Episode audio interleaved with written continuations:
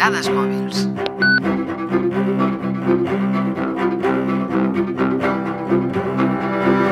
L'altruisme pur, sense interessos personals al darrere, ha estat, des de sempre, un tema de debat entre psicòlegs, filòsofs, antropòlegs i científics. Per què ajudem els altres fins i tot quan la nostra acció ens pot perjudicar nosaltres mateixos? Eh, Si ens posem extrems, per què si un desconegut cau a les vies del tren encara hi ha gent que baixa per ajudar-lo quan es veu el comboi que hi ha bé?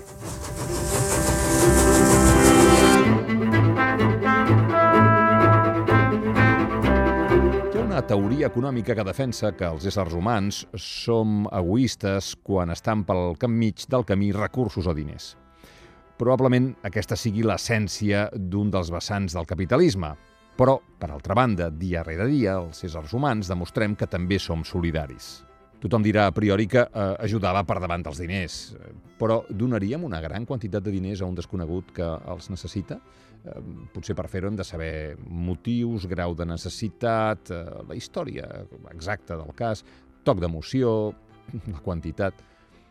No és tan fàcil quan ens hem de tocar la butxaca.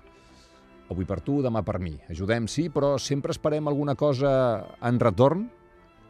Guardem els favors per quan més els necessitem, allò de tant recordes que et vaig fer aquell favor? O recordes que me'n deus una? Alguns psicòlegs i sociòlegs diuen que l'altruisme pur no existeix, tot i que no ens n'adonem, sempre esperem alguna cosa canvi, ja sigui autosatisfacció, reconeixement social, o fins i tot, en alguns casos, anar al cel. Però molts estudis que s'han fet sobre la qüestió ressalten l'empatia dels humans, la nostra capacitat per posar-nos en la pell dels altres i de sentir el seu patiment, i diuen que això fa que ajudem sense voluntat de rebre res a canvi pel simple fet d'alleujar un sofriment, un problema o un perill.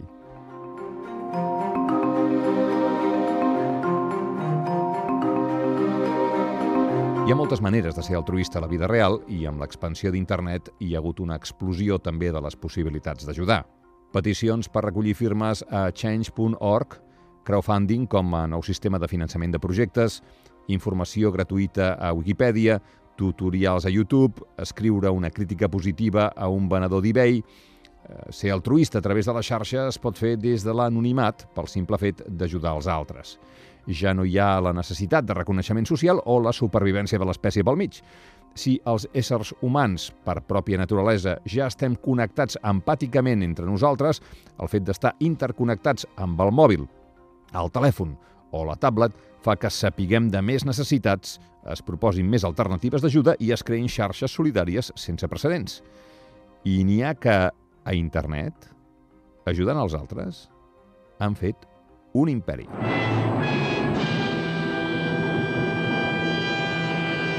Dadesmòbils.com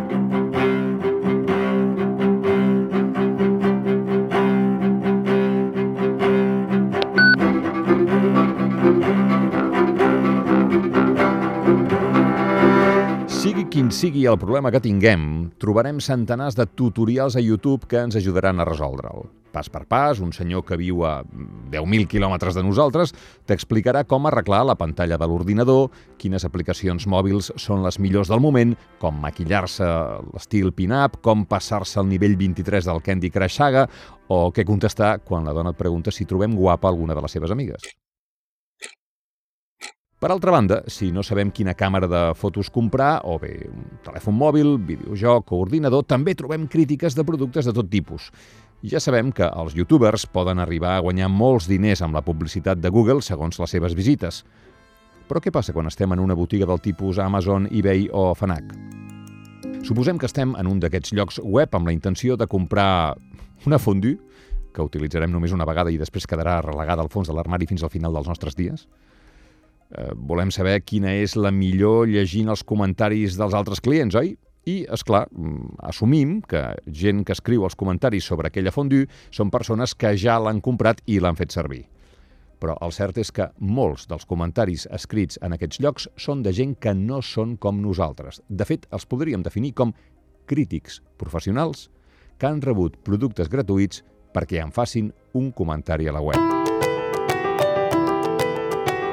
Hi ha gent que ha creat un imperi al voltant d'aquestes pràctiques. Fins i tot s'ha instaurat dins d'Amazon un rànquing dels més prolífics. En aquests moments el número 1 l'ostenta una persona que firma amb el nom d'Ali Julia i que ha escrit, atenció, gairebé 4.000 crítiques de productes. 4.000 crítiques de productes. Aquests personatges s'han convertit en indispensables per a empreses com Amazon. De fet, encara que sembli curiós, en una entrevista a la ràdio pública americana, l'NPR, la portaveu d'Amazon, Julie Law, afirmava que fins i tot un producte amb crítiques negatives ven més que un producte sense crítiques. Ja ho deia Oscar Wilde, només hi ha una cosa pitjor que parlin malament de tu, que no en parlin. Bé, a partir d'ara, tingueu en compte això quan llegiu les crítiques dels altres usuaris comprant per internet.